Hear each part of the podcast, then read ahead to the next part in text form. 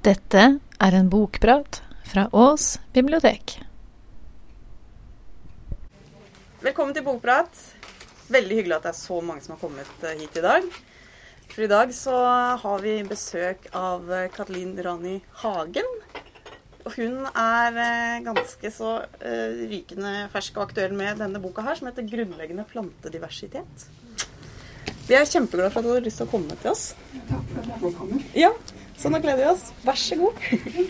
Mm, eh, Jeg skal eh, lese et lite utdrag fra denne boka først, før jeg begynner å fortelle om hva den handler om. Mm, Den første dagen på feltkurset er denne gangen i Ås.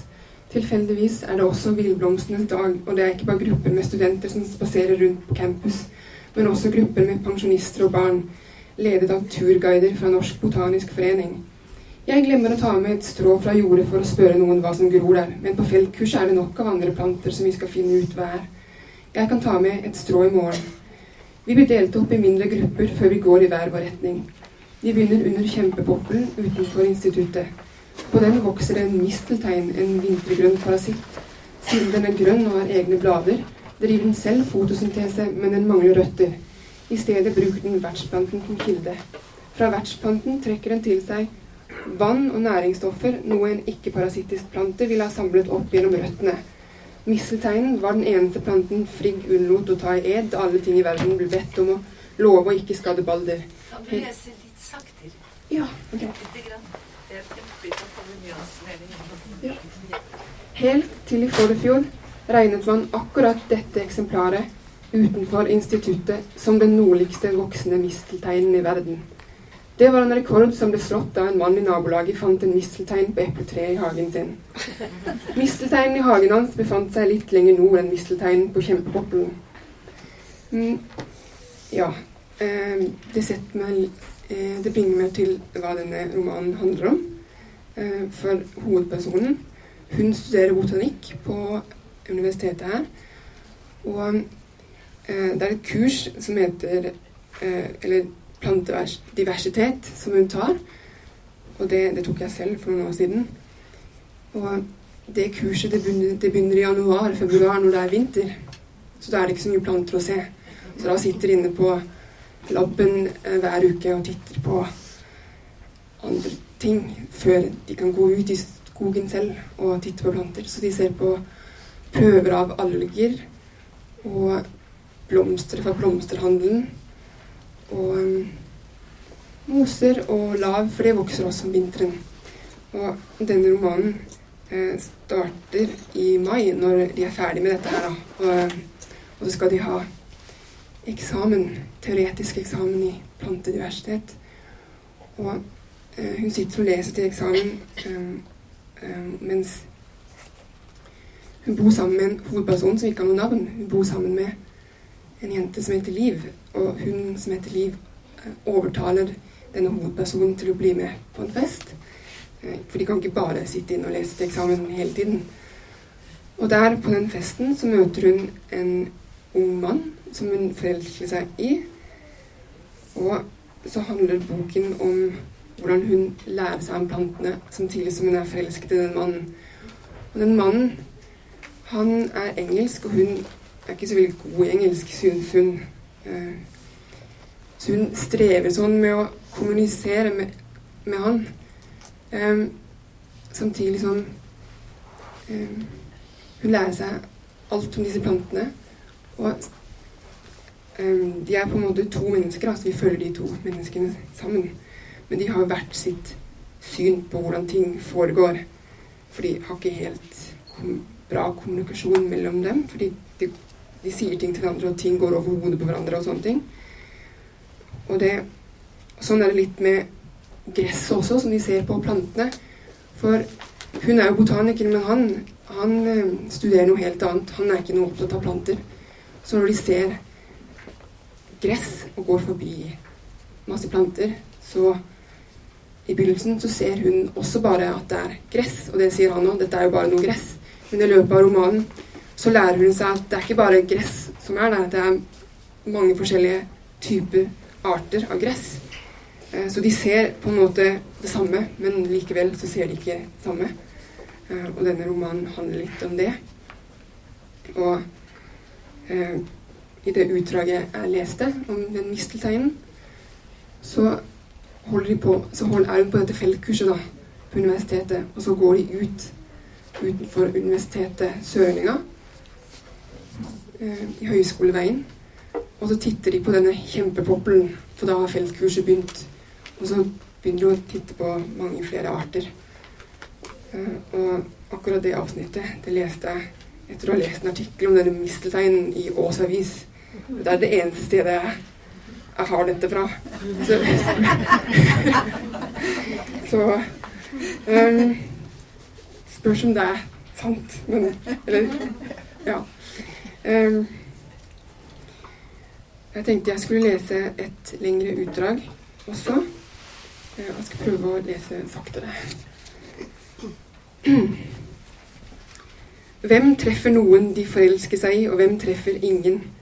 Altfor mange mennesker møtes og blir forelsket til at det kan være bare én. Vi er tross alt sju milliarder mennesker her. Likevel føler vi det slik dette er mannen, dette er kvinnen. Var det det jeg tenkte da jeg traff Peter? Det var det jeg tenkte da jeg satt på rommet til Aida og lurte på når han kom til å flytte inn. For det kom han jo til å gjøre. Det visste jeg. Han var mannen i mitt liv. Hvor skal Liv bo da, tenkte jeg. Du trenger ikke å bekymre deg ennå, sa Nora. Jeg hadde en gang truffet et par som sa de hadde flyttet sammen i løpet av en uke. Venninnen min og jeg satt og stirret på dem i vantro. Var det virkelig sant? Der satt de ved den andre siden av bordet og var fortsatt kjærester. Hvordan var det mulig? Det var flere år siden jeg hadde truffet dem. Hvem vet hvordan det gikk med dem nå? Bare vent til dere har kjent hverandre i seks måneder. Da går det over, sa Liv. Det varer ikke for alltid, sa hun, og jeg tenkte, det gjelder bare de parene som ikke er like forelsket som Peter og jeg. Det er ikke like sterkt for de andre, derfor tar det slutt for dem. Som om Peter og jeg var noe helt annet. Som to organismer i en helt spesiell form for symbiose. Vi skulle være mykorrhiza. Vi skulle være som trærne og soppen. De store trærne som lever i et gjensidig forhold med hyfer under jorden. Mykorrhiza. Rotsystemene hos trærne er gigantiske og kompliserte. Gjennom et stort nettverk under jorden kan to trær kommunisere med hverandre over lange avstander, men trærne klarer det ikke med sine egne røtter alene. Sopphyfer klamrer seg, seg fast til røttene, hyfer som strekker seg langt, langt, langt til jorden, hyfer som strekker seg mot andre trærs hyfer. Under jorden skjer ting vi ikke ser. Over jorden ser vi skogen bare som trær, men under jorden foregår det mye. Hvert tre har sin sopp. De lever sammen, tilhører hverandre. Fra treet får soppen biprodukter av fotosyntesen. Karbohydrater, sukker. Fra soppen får treet tilgang til flere næringsstoffer enn det hadde klart å samle alene. For treets røtter er ikke store greiene i seg selv. Soppen utvider området i jorden som treet får tilgang til, Soppens hyfer forlenger treets røtter, så å si, suger til seg næring som det gir treet. Nitrogen, fosfor, vann, mineraler.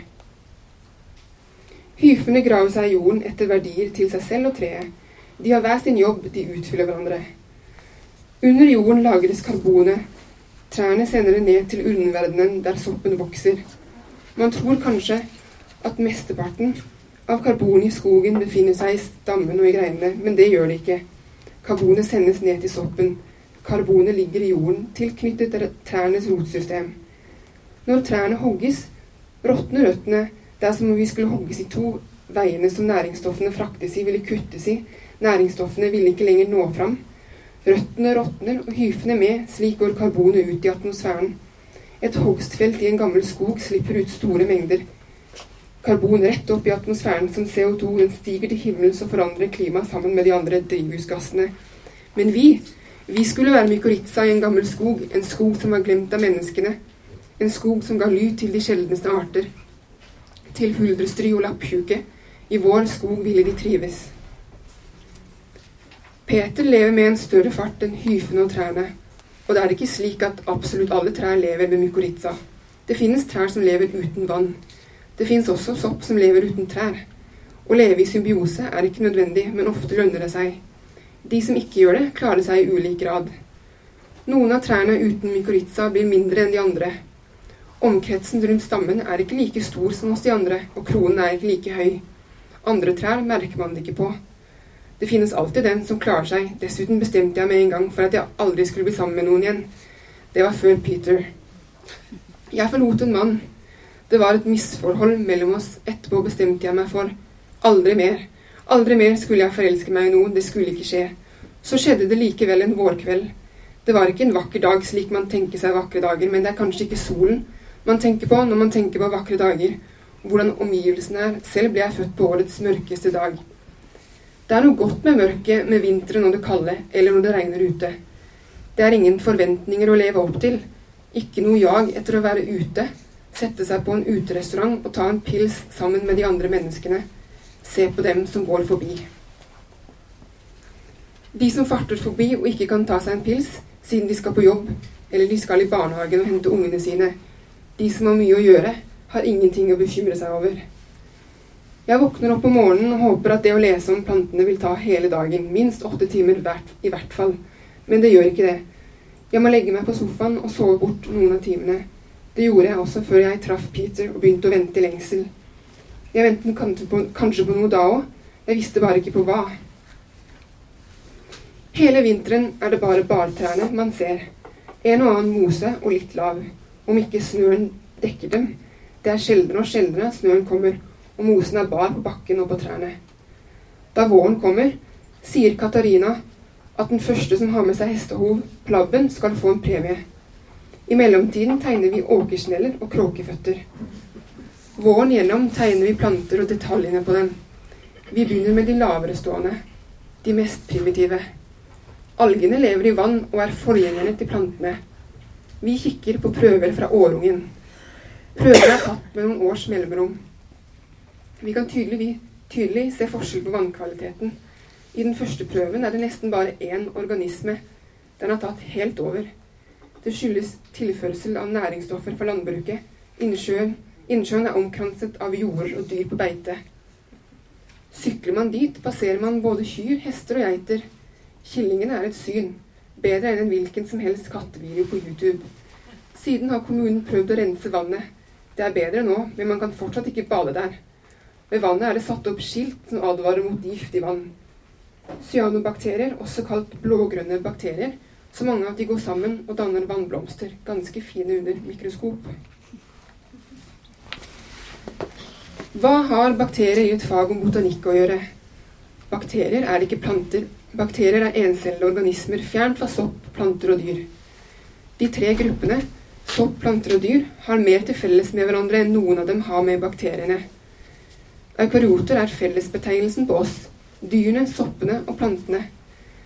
Cellene våre har cellekjerner. Bakteriene hører til de prokaryote fra gresk før kjernen. De har ikke cellekjerne. Men cyanobakterier driver med fotosyntese, akkurat som plantene. Det har de til felles. Så fjerne fra hverandre er vi ikke at det ikke er noe. Alt liv har oppstått fra det samme, en gang i ursupa. Fra bakterier, encellede organismer til flercellede fra havet opp på land, og for noen ned i vann igjen. Det er ikke slik at alle som lever i vannet, havet, er de som ikke kom seg opp, til luften, til himmelen.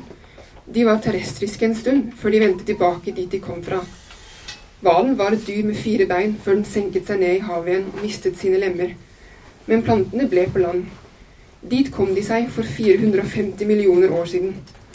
De aller første, første plantene på land trengte masse fuktighet. De hadde ikke riktig ristet av seg sin fortid som, som vannlevende organismer. De eldste er mosene, kråkeføttene, snellene, bregnene. De har ingen blomster, men formerer seg ved hjelp av sporer. En gang i tiden var bregnene så store som dagens trær. Høye som furuer raget de over, raget de over dinosaurene.